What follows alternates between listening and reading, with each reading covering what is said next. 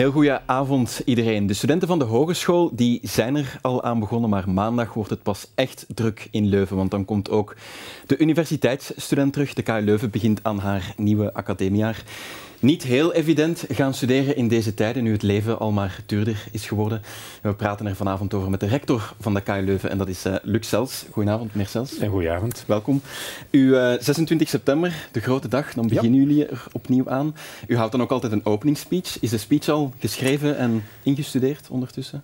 De speech is geschreven, ingestudeerd, dat is nog een andere kwestie, uh, maar we hebben nog enkele dagen tijd. Ja, de puntjes moeten nog op de, de i puntjes moeten nog op de i komen en er is om, omwille van de omstandigheden die je zelf schetst ook wel wat minder tijd geweest om die voor te bereiden. Het thema is nogthans echt wel in de kern van het huidige debat, want de speech maandag zal hoofdzakelijk gaan over onze duurzaamheidsambities. Ja.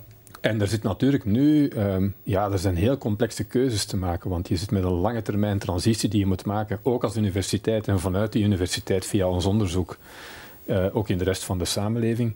Maar dat wordt natuurlijk doorkruist door een uh, ja, heel moeilijk te beheersen energiecrisis. Ja, die ongetwijfeld en dat dan maakt dat het de hele dag ja. over energie gaat. Inderdaad, die energiecrisis als ik zelf in Leuven rondwandel, je komt bijna geen oud gebouw tegen en het is niet van de KU Leuven. Ik vraag me af, kan de universiteit eigenlijk zelf nog haar energiefacturen betalen deze dagen? Kijk, um, wij hebben één uh, geluk bij een ongeluk en dat is dat we voor elektriciteit en gas momenteel nog werken met vaste tarieven. Dus we hebben goed onderhandeld in het verleden, verstandig onderhandeld uh, met de nodige voorzienigheid, al konden we dit natuurlijk ook niet voorspellen. Nee. Voelen jullie die crisis dan helemaal niet? Wij voelen die crisis uh, heel erg. Ja. Um, wij voelen ze vooral binnenkomen via twee andere kostenposten, zeg maar. De kost van bouwwerken. U verwees naar de gebouwen. Wij hebben uh, voortdurend plannen voor nieuwe onderzoeksinfrastructuur, auditoria. En daar zie je toch nu dat de kost van onze bouwwerken dat die 20 tot 25 procent hoger ligt dan in het begin van het, uh, van het kalenderjaar.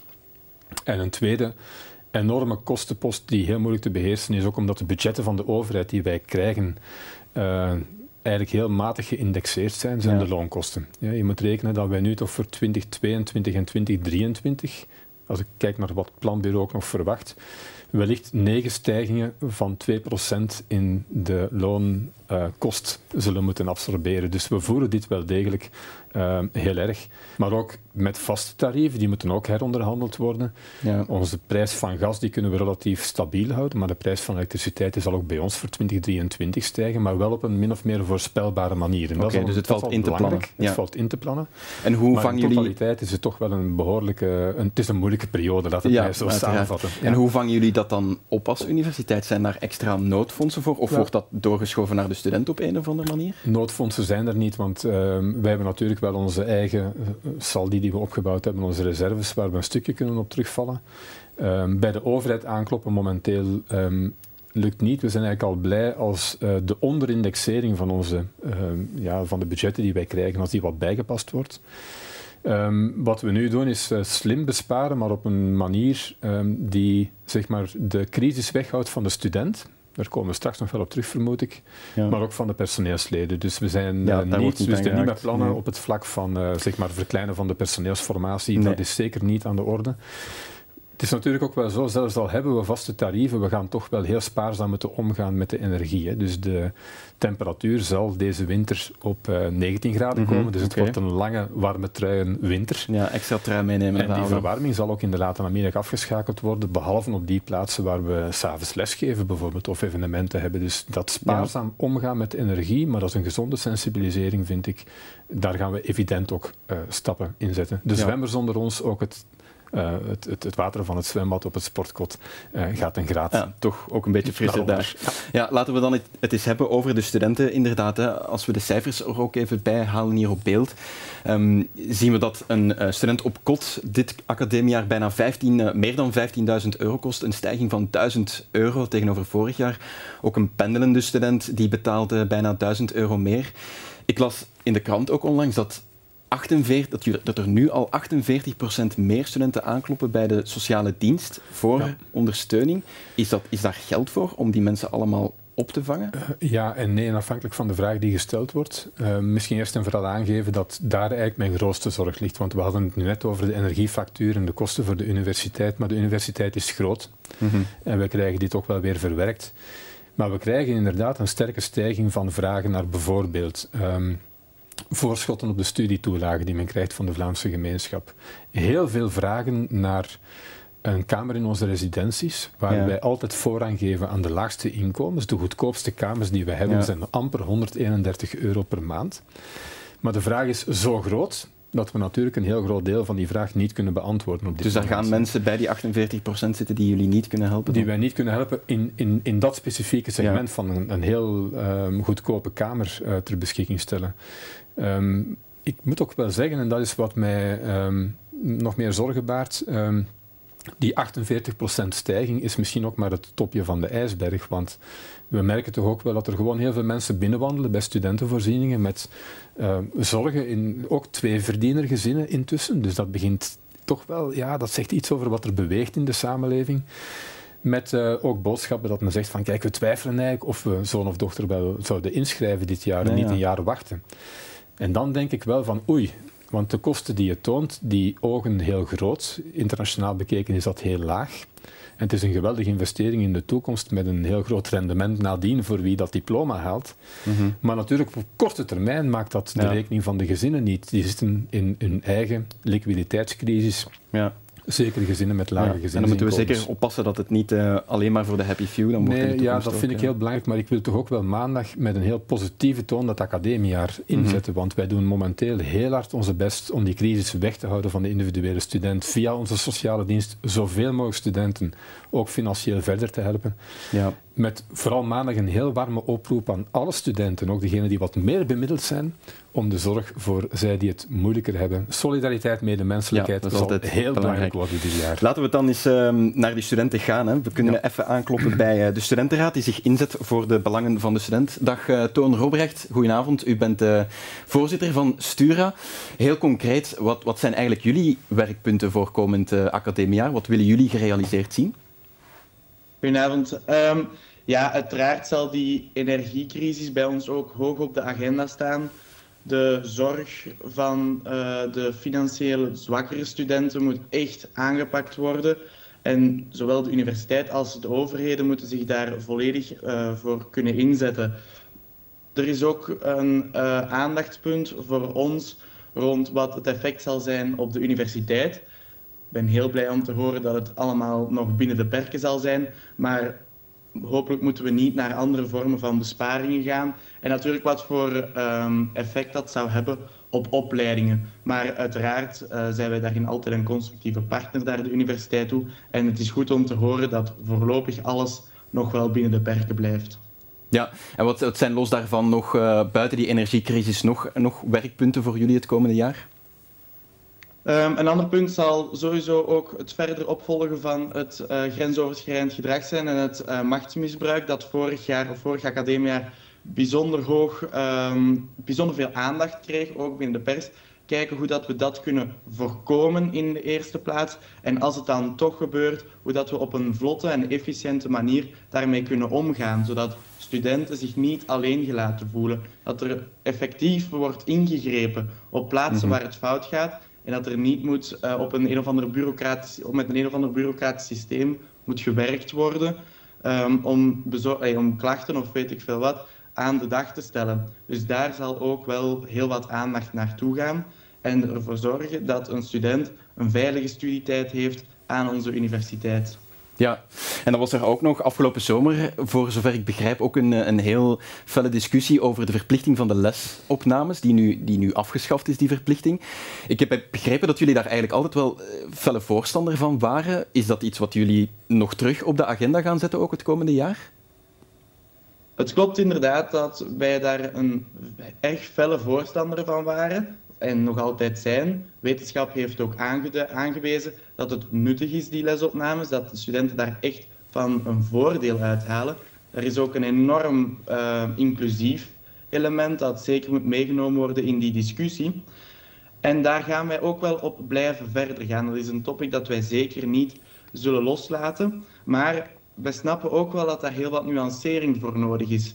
Docenten um, hebben een aantal bezorgdheden rond de aanwezigheid in de les, die we echt wel, waar we echt naar moeten kijken. En daar gaan, mhm. zijn wij en gaan wij ook over aan de slag met de universiteit, met het beleid daar rond, omdat dat moet aangepakt worden. Het zijn de docenten die moeten meegaan, ook in het verhaal. Maar wij zijn absoluut een voorstander. Dat heeft voordelen, die lesopnames. Daar ehm, kunnen we echt mee verder gaan in de digitale wereld die we nu zijn. En het is beter dat we, daar, ehm, ook, dat, we dat ook gaan omarmen naar de toekomst toe. Oké. Oké, bedankt uh, Toon Robrecht. Veel uh, succes met het voorzitterschap en ook met het uh, studeren nog proberen tussendoor. Oké, dankjewel. Fijne avond nog. Dat is graag gedaan. Ja, meneer Stels, laat ons dat eerste punt er even bij halen, dat machtsmisbruik. KU Leuven kwam daar ook wel een beetje in naar voren natuurlijk de afgelopen maanden. Is dat er ondertussen helemaal uit? Bij uw nee, en er helemaal uitkrijgen, dat, um, dat is op de schaal van grote organisaties een heel moeilijke taak. Je moet uh, wel zorgen dat je, een, een, dat je procedures hebt die, uh, wanneer iets fout loopt, um, toelaten om heel snel in te grijpen. Ja. We hebben in 2021 een nieuw tuchtreglement voor studenten ja. uh, uitgewerkt, waar de studenten trouwens een heel belangrijke rol in spelen. En dat werkt momenteel, moet ik zeggen, voortreffelijk. Ook om heel snel te reageren. We werken intussen aan de afronding en dat is voor volgende maand gepland, tuchtreglement voor personeel.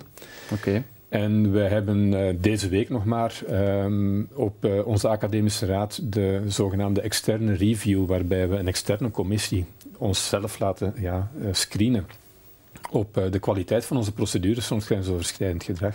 Die commissie goedgekeurd en die komt in november al naar uh, KU Leuven en zal in december haar conclusies al neerleggen. Ja, want dus u wilde... we hebben eigenlijk toch wel redelijk wat stappen gezet in een evolutie die denk ik al, al langer bij ons heel hoog op de agenda Want er komt ook een extern meldpunt. U, u vond altijd belangrijk dat het aanvullend is op, een, op dat interne meldpunt, maar de vraag is een beetje, is niet net dat interne meldpunt een beetje een deel van het probleem? Want als we de verhalen horen, het zijn vaak mensen die moeten gaan aankloppen bij een ombud dat is vaak een prof, een prof die ja. bij manier van spreken s'avonds op café gaat met een prof waar klachten over binnenkomt. Kan dat dan eigenlijk wel werken, een intern systeem?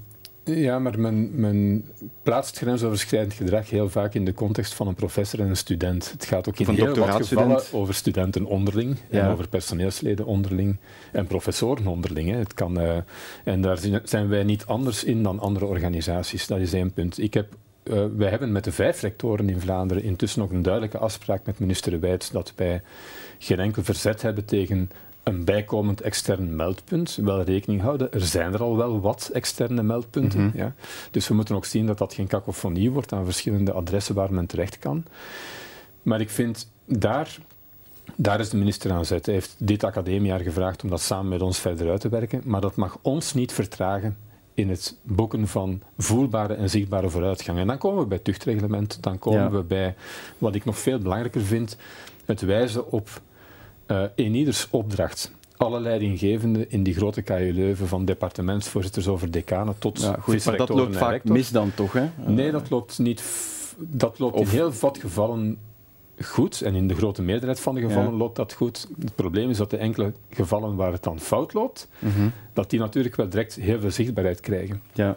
Maar, in de gevallen die, die, die, wij kennen, blijkt er toch ook wel iets te schorten. Hè? Absoluut. Dat het, het, het, traag gaat, de meldingen niet altijd even serieus worden genomen, niet genoeg doorstromen. Universiteiten zijn, en we zijn daar niet uniek in, maar het is wel typisch. We zijn natuurlijk uh, organisaties waar er heel specifieke hiërarchische relaties en relaties van afhankelijkheid mm, bestaan. Hè? Een doctoraatstudent ten aanzien van een professor of een student ten aanzien van iemand die examineert. Hè? Dus we moeten daar heel erg waakzaam voor zijn. En dat is ook in een organisatie waar van een rector tot een decaan en een departementsvoorzitter mensen verkozen worden en dus elke vier jaar kunnen veranderen, of althans iemand anders op de stoel kan komen te zitten, een werk dat nooit een einde is. Wij zullen dat, ja, dat aspect van leiderschap, daadkracht, snelle opvolging wanneer zich probleemsituaties voordoen, Um, daar, dat zullen we moeten blijven verzorgen en dat pakken we nu stap voor stap toch wel, uh, denk ik, heel daadkrachtig aan. Oké, okay, dan heb ik nog werk op de plank in ieder geval. Laat ons kort ook nog de, de lesopnames erbij halen. Uh, die verplichting was iets van corona, is nu afgeschaft enkele nee, weken. Nee, nee, we, nee klopt niet, zeggen, niet van corona? De toon heeft het goed uitgelegd hoor, maar we hebben eigenlijk, en KU Leuven is daar toch wel uniek in Vlaanderen op dit moment, eigenlijk zeg ik aan de docenten, continueer met lesopnames, tenzij er goede redenen zijn om het niet te doen. Okay, en die oproep zal nu nog herhaald worden, heel krachtig, omdat dat nu net omwille van de problematiek die we besproken hebben, studenten die zullen moeten gaan werken om de eigen studies te betalen, mhm. op het vlak van toegankelijkheid nog belangrijker wordt dan voorheen. Maar waarom dus verplicht u het dan niet gewoon, als u het dan zo belangrijk vindt? Waarom, is dat niet in het belang van de student om dat gewoon te verplichten? van een compromis, een consensus te bereiken, eigenlijk echt een consensus. We hebben een consensus in de academische raad, omdat er aan de andere kant bij docenten een heel terechte bezorgdheid was, zeker naar het einde van vorig academiejaar, dat er nog heel weinig aanwezigheid was. En dat is een pandemie-effect. En waarom is dat erg, als er niemand naar de les komt? Want je zou kunnen zeggen, voor grote aulas kan je even goed thuis kijken naar een lesopname. Als ik het heb over solidariteit en elkaar helpen, maar ook als je kijkt naar hoe leren verloopt. Leren is eigenlijk in essentie sociaal leren. Je leert bijzonder veel van elkaar en je ontneemt andere studenten leerkansen als je zelf allemaal van thuis uit lessen volgt. Ja. Die aanwezigheid als sociaal weefsel is cruciaal.